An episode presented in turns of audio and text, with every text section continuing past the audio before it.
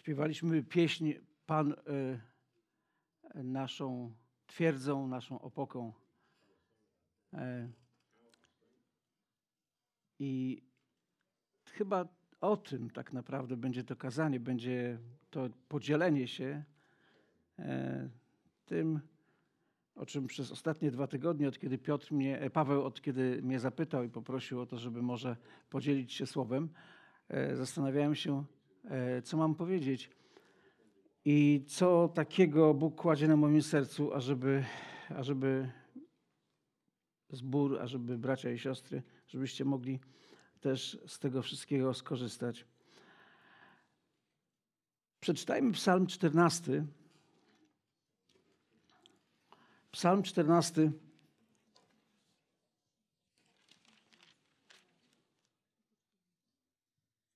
Zatytułowany przez redaktora Bezbożność głupotą.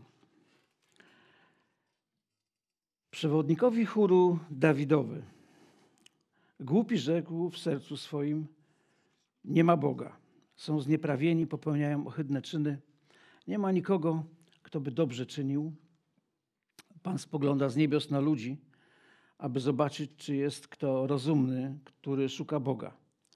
Wszyscy odstąpili wespół, wespół się splugawili, nie ma kto by dobrze czynił, nie ma ani jednego. Czyż są nierozumni wszyscy czyniący nieprawość?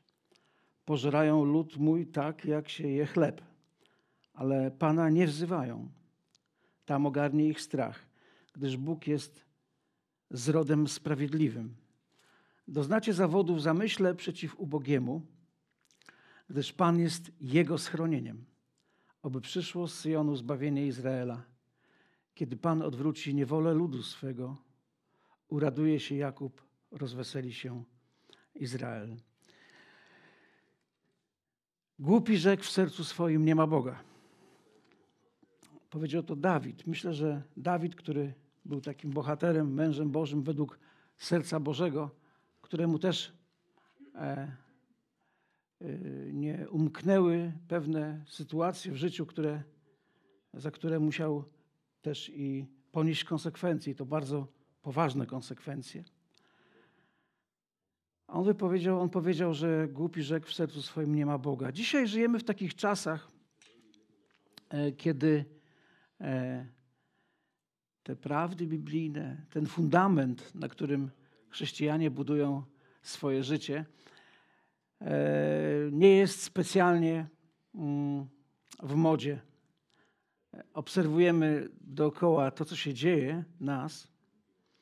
E, zewsząd możemy powiedzieć, mamy doskonałych w cudzysłowie doradców, polityków często, od lewej strony do prawej strony, którzy tak jakby doradzają w różnych serwisach internetowych, gazet i, e, i różnych innych periodyków.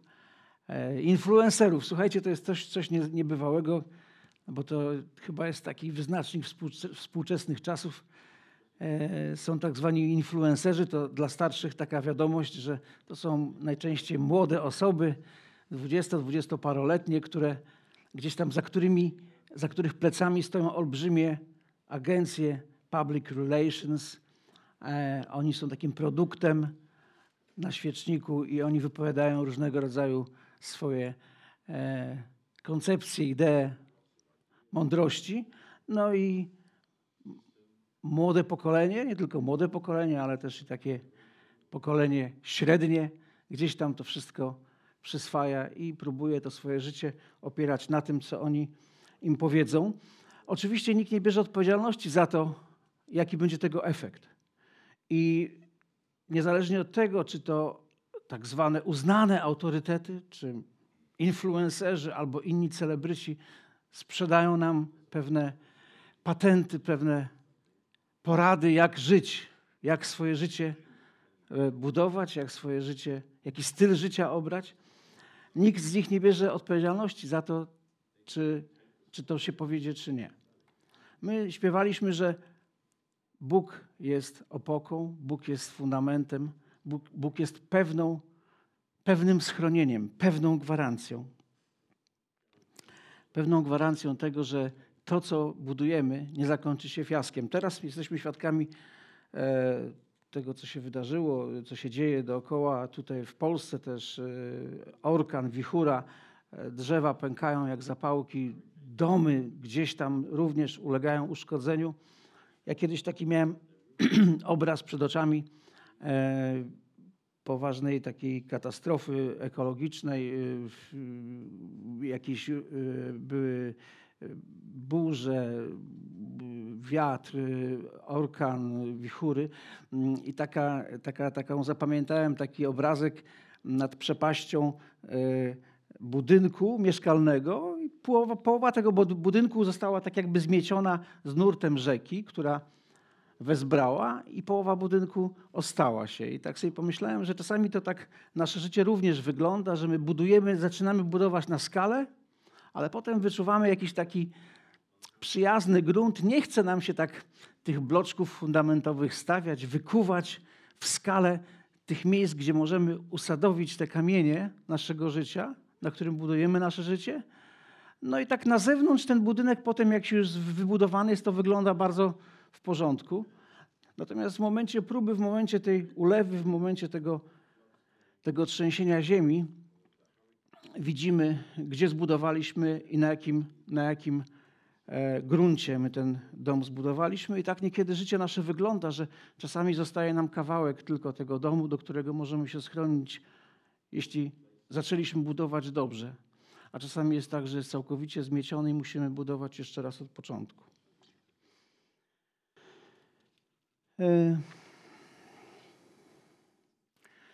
jak powiedziałem, żyjemy w czasach takich dosyć E, myślę, że zawsze czasy były, nie były łatwe, ale dzisiaj, e, kiedy widzimy, że te cywilizacje, które wybudowane zostały na gruncie systemu wartości chrześcijańskich, bo jeśli popatrzymy na Europę, popatrzymy e, na, na to, co, co udało się wytworzyć, jaką cywilizację stworzyć, tą zachodnią, ona opiera się na wartościach chrześcijańskich, na systemie wartości, natomiast tym systemie wartości. Natomiast dzisiaj w tych krajach często ludzie wierzący są też niekiedy prześladowani. E, myślę, że nie, nie, nie, nie, muszę nikogo przekonywać do tego, jak, jak ciężko jest ludziom wierzącym e, zachować swoją wiarę w miejscu swojej pracy, jak trudno jest obronić te prawa do e, oddawania chwały Bogu w szkole, mm, w miejscach publicznych. Sądzę, że każdy z nas to rozumie, każdy z nas to widzi, a niekiedy, a niekiedy nawet e, osoby, które zawierzyły i chcą naśladować Chrystusa, są w jakimś tam sensie też i, i konkretnie nawet i prześladowane są pozbawiane miejsc pracy. I mówię tu o krajach, które, tak jak powiedziałem, wybudowały swoją, swój, swój dobrobyt, swój taki dobrostan, można powiedzieć, na, na tych prawach biblijnych. Następne pokolenia już tak trochę do tego podchodzą luźniej i, i nie tylko lekceważą albo w jakiś sposób deprecjonują te, te prawa, ale również i z nimi walczą.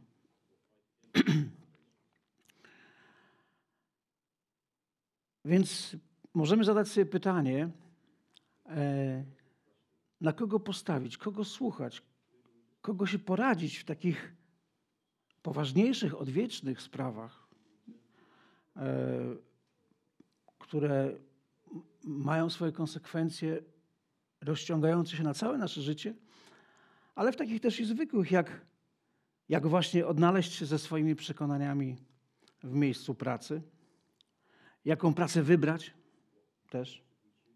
Ja jako osoba, która gdzieś tam e, w tym e, w tej branży edukacyjnej jestem osadzony, czasami rozmawiam e, z młodzieżą, ze swoimi dziećmi oczywiście też, E, ostatnio miałem taką krótką wypowiedź, rozmawialiśmy, I tak nawiązałem do tego, jak to, jak to życie nam upływa. Średnio statystycznie żyjemy około 75 lat, mniej więcej, tak? Jak Bóg da, to i więcej naturalnie, ale też i krócej. E, I z tego 25 lat przesypiamy, tak? Bo to 8 godzin, tak możemy policzyć sobie. Średnio 24 godziny, doba. Także 25 lat przesypiamy. 25 lat spędzamy w pracy. No, albo nawet i więcej, bo musimy dojechać do pracy, wrócić. Kto pracuje dzisiaj 8 godzin?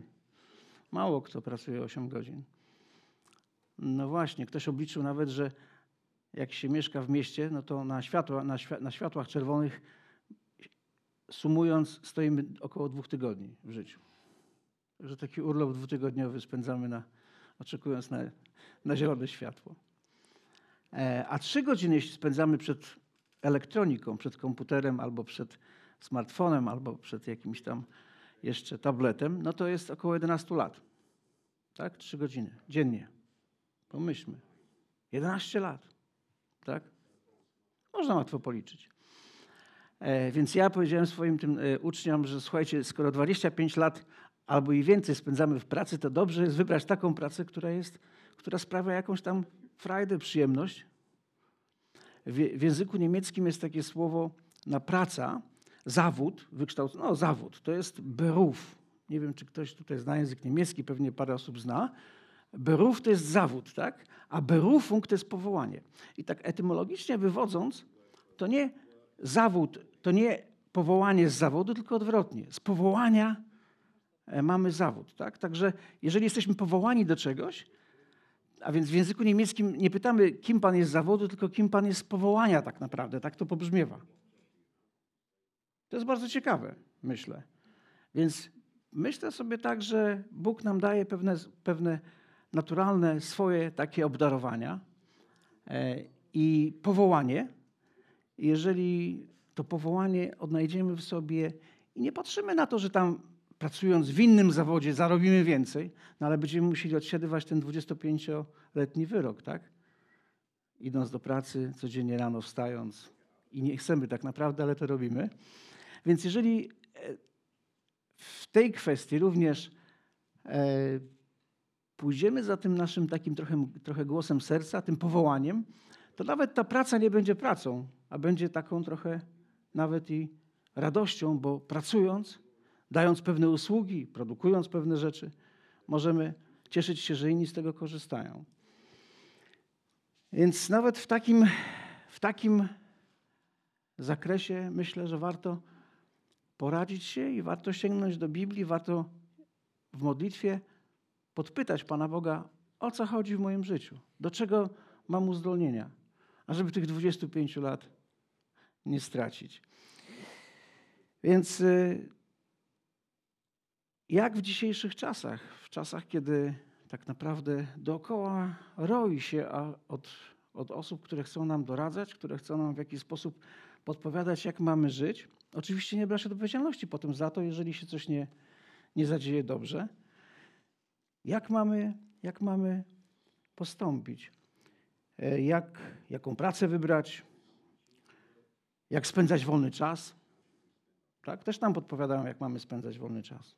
Jak wychowywać dzieci?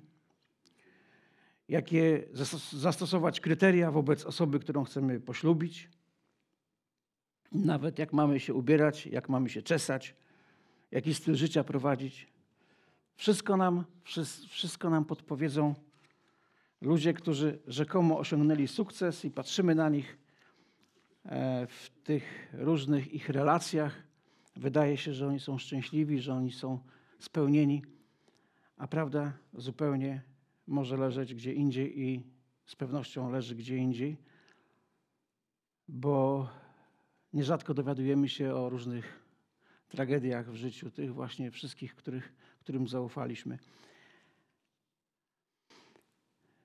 Nie wykluczam tutaj polityków. Ja już powiedziałem na początku, niezależnie od tego, czy z lewej strony, czy z prawej strony, e, są to jakieś projekcje, jakieś idee, jakieś koncepcje, które każdy z nich ma i chciałby w jakiś sposób przenieść to na nas, żebyśmy ich popierali. I gdzieś w tym wszystkim na boku, z boku już ta Biblia leży zakurzona i nie jesteśmy jakoś tak nawet skłonni do tego, żeby, żeby zatrzymać się, żeby wyciszyć się, żeby poczekać, zanim podejmiemy decyzję, zanim w jakiś sposób e, wypowiemy się, czy będziemy chcieli, e, podejmując decyzję, zastosować pewne rzeczy w swoim życiu. Wierzę w to głęboko, że o tych wszystkich sprawach, o tych kwestiach, o których przed chwilą powiedziałem, naszego doczesnego życia, jesteśmy w stanie dowiedzieć się właśnie z Biblii, właśnie z Pisma Świętego. Oczywiście e, dowiadywanie się i mm, wiedza nie jest tym samym, co jest wiara. E, ja czasami tak się zastanawiam, my mówimy, jesteśmy ludźmi wierzącymi, ktoś jest wierzący. E, wydaje się, że może lepszym byłoby powiedzenie, czy ja jestem człowiekiem nie, nie, nie, niewierzącym, czy jestem człowiekiem wiary. Czy ja zawierzam temu, o czym czytam, zawierzam temu, co czytam, co widzę w życiu tych bohaterów wiary, o których, których spotykam, o których czytam, o których dowiaduję się e, z Pisma Świętego. E, tak żyjąc już ileś lat na tym świecie, e, kiedy byłem młodszym chłopakiem, no to, to było to jakimś takim wyzwaniem dla mnie, ażeby też rozmawiać, dyskutować, trochę się nawet wspierać z kolegami w kwestiach teologicznych. Tak? To jest myślę, że rzeczą taką oczywistą. E, ktoś może, za, ponieważ ktoś może, ktoś może zadać pytanie, oczywiście z Biblii wszystkiego się dowiadujemy, ale jest tyle kościołów, tyle denominacji, tyle wyznań, tyle interpretacji. I tak jak powiedziałem, e, żyjąc już ileś lat na tym świecie, zobaczyłem, że Biblia nie jest nam dana po to, byśmy ją jakoś tam interpretowali, dyskutowali, ale byśmy po prostu nią żyli. E, w Ewangelii Mateusza w siódmym rozdziale, 15-16 werset, e, Jezus mówi, ażeby się strzec fałszywych proroków. E, strzeżcie się fałszywych proroków, po owocach poznacie ich. I to jest takie uderzające i bardzo ciekawe, bo tu Jezus nie mówi o tym, żeby rozkminić jakoś, o czym jest to proroctwo, jakie to jest proroctwo, ale żeby przede wszystkim skupić się na, na tym, czy ten prorok przynosi owoce, czy w jego życiu są owoce, o których czytamy w Piśmie, w Piśmie Świętym. Poznamy proroka po owocach, a nie po proroctwie. My niekiedy nawet nie znamy życia tego kogoś, kto nam tutaj z telewizji albo z internetu mówi o czymś, co my powinniśmy zrobić. Czasami nawet w kościele nie znamy tego kogoś, kto przemawia. E, oczywiście ufamy, że pastor, starsi zboru nie dopuszczają do głoszenia słowa kogoś, kto po prostu żyje zupełnie jakimś życiem takim swobodnym, a tutaj występuje i zachęca do tego, ażeby żyć inaczej.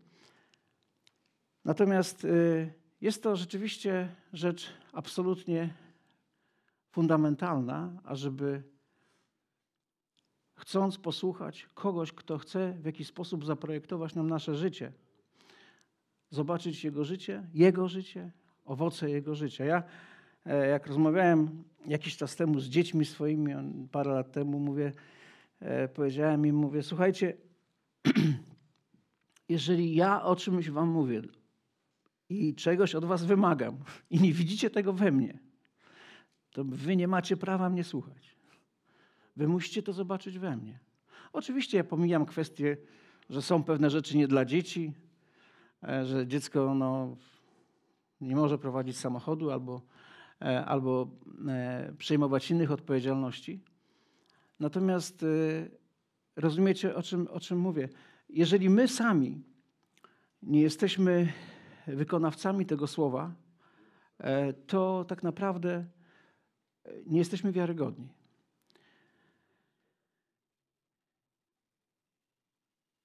Po owocach poznajemy proroka. Dopiero potem słuchamy tego proroctwa. Tak ja to zrozumiałem. To jest mm, tak istotne, tak ważne, bo to życie tego młodego człowieka, czy życie każdego z nas może potoczyć się e, w taką stronę, że, że tak naprawdę to będzie ślepa ulica i dojedziemy do, do końca i będziemy musieli zawrócić. A po drodze, po drodze ile rzeczy może się wydarzyć bardzo złych, bardzo dla nas nie, e, nie, nie, nieprzyjemnych, ale, albo nawet możemy najzwyczajniej stracić nadzieję.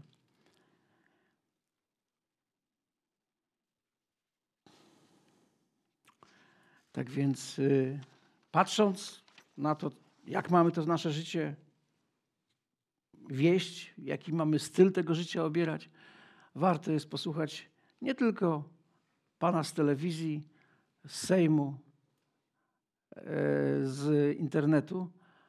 E, warto też zobaczyć, jakim było jego życie.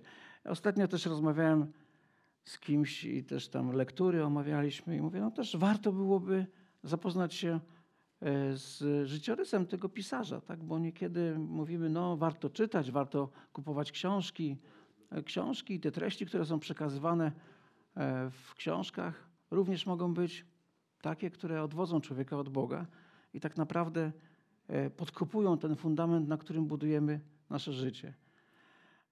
Zaryzykowałbym nawet takie stwierdzenie, że lepiej nie czytać książek takich autorów, którzy tak tak naprawdę to swoje życie bardzo, e, bez, bardzo tak e, nie do końca e, z dobrym świadectwem wiedli. Oczywiście można się z tym zapoznać, natomiast generalnie jest, jest to dużym problemem, jeśli chcemy zastosować te treści, te mądrości, które są zawarte w tych dziełach.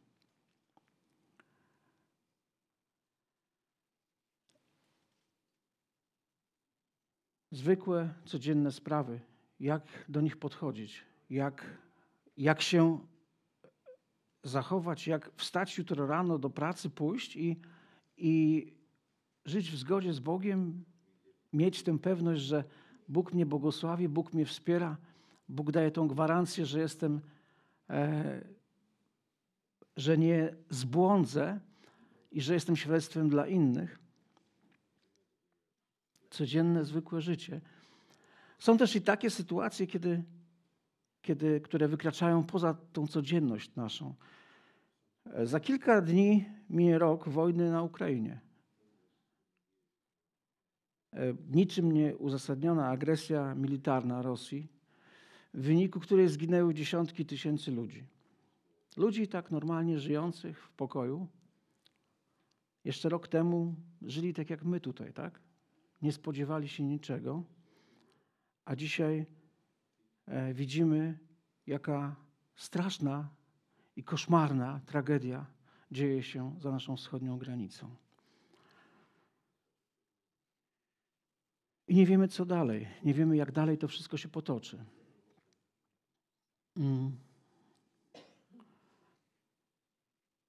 Coraz częściej, coraz głośniej gdzieś tam przebija się z mediów również taka takie stwierdzenie, że w Polsce my też jesteśmy zagrożeni i że też mówi się o mobilizacji młodych ludzi, że jeżeli nastąpi mobilizacja, to będzie 48 godzin, a nawet i 24 godziny, a żeby ewentualnie wyjechać z kraju albo zostać i niestety e, tutaj walczyć. Ja tak muszę powiedzieć, szczególnie jestem tym jakoś tak poruszony, ponieważ mam dwóch synów w wieku poborowym e, i też zastanawiam się nad tym, jak postąpić, jaką, jak, jak z nimi rozmawiać, w jaki sposób e, przekazać im to, jaką wolę ma Bóg w kwestii zaangażowania się w militarne przedsięwzięcia, w takie operacje czy wojny. Czy chrześcijanin, czy jako chrześcijanin mam wziąć broń do ręki i zabijać? E, dzieje apostolskie pokazują nam przykład Korneliusza, setnika, który był żołnierzem rzymskim, któremu objawił się anioł. Tutaj gościmy co jakiś czas nawet e, żołnierzy e, wierzących, chrześcijan. I ten anioł mu się objawił i bardzo pozytywne świadectwo wszyscy mieli na temat Korneliusza. To tak pytanie w kontekście, czy chrześcijanin ma być żołnierzem, czy nie. Z drugiej strony w Ewangelii Mateusza w 26 rozdziale, w sytuacji, kiedy e, Jezus był, był pojmany, jeden z uczniów chwycił, zdaje się Piotr, chwycił za miecz i uciął ucho jednemu z tych atakujących i Jezus powiedział, schowaj swój miecz. Kto mieczem wołuje, od miecza ginie. Y, wierzę w to głęboko, że każdy z nas, jeśli będzie pytał Boga, dostanie swoją odpowiedź, jak ma postąpić. Przypominam sobie, tak nawiązując do tego wielkiego problemu, jakim jest ta wojna, nieuzasadniona, jeszcze raz powiem, i dramatyczna, gdzie młodzi ludzie giną, gdzie rodziny są rozbite, gdzie wszyscy tak naprawdę są ofiarami. Z jednej strony w Piśmie Świętym widzimy dwie postawy Korneliusza, też tego, który tam uciął to ucho. E, w literaturze nikt, myślę, z nas tutaj uczących się w szkołach polskich, bo mamy obcokrajowców, pewnie nie umknęło uwadze nie umknął uwadze wiersz Władysława Broniewskiego. Zacytuję fragment. Kiedy przyjdą podpalić dom, ten, w którym mieszkasz, Polskę, ty ze snu, podnosząc skroń, staniu drzwi, bagnet na broń, trzeba krwi. Tak? zachęcający do walki. Z drugiej strony Julian Tuwin pisał, gdy wyjdzie biskup, pastor, rabin, pobłogosławić twój karabin, bo mu sam Pan Bóg szepnął z nieba, że za ojczyznę bić się trzeba – Rżnij karabinem w bruku ulicy, twoja jest krew, a ich jest nafta. Bujać to my, panowie szlachta. Rozmawiamy o tym codziennie między sobą. Zastanawiamy się, jak, jak postąpić w tych sytuacjach krańcowych, bo jeżeli wysyła się kogoś na wojnę, to trzeba się liczyć z tym, że z tą osobą się już nigdy nie zobaczymy. Mam taką nadzieję, żywię taką nadzieję, że każdy z nas, ja również, e, zanim będziemy podejmować decyzje, które są niekiedy nieodwracalne, w tych decyzjach zwykłych, codziennych, co do wyboru pracy, stanowiska pracy i tak dalej, oczywiście. Tutaj się nie możemy za bardzo pomylić jakoś tak, jeśli chodzi o konsekwencje. Jesteśmy w restauracji, czy wybierzemy sznycel czy pierogi. Najwyżej ktoś, jeżeli zaryzykuje, to będzie przez 2-3 dni cierpiał na jakieś sensacje żołądkowe. Konsekwencje nie są duże. Ale żyjąc i konfrontując się z codziennością i z problemami takimi jak przed chwilą, o których przed chwilą wspomniałem, myślę, że chociaż przed jedzeniem też się modlimy, prawda? Żeby i dziękujemy. E, myślę, że jest nieodzownym, ażeby, ażeby spędzić czas w ciszy i w spokoju przed Bogiem, by podejmując te decyzje, mieć absolutną pewność, że Duch Święty przekonuje mnie, ażeby, ażeby postąpić w taki sposób, a nie inny. E, zachęcam siebie, zachęcam nas wszystkich, byśmy nie słuchali Artura Abramowicza, e, Jarosława Kaczyńskiego, Donalda Tuska albo jeszcze jakiegoś Krzysztofa Ibisza.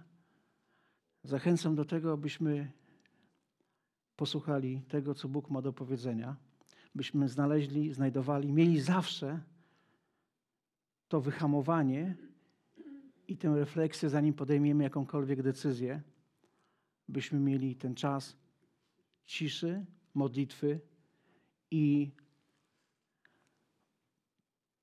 takiej może nawet i desperacji w tym, żeby usłyszeć głos Boży.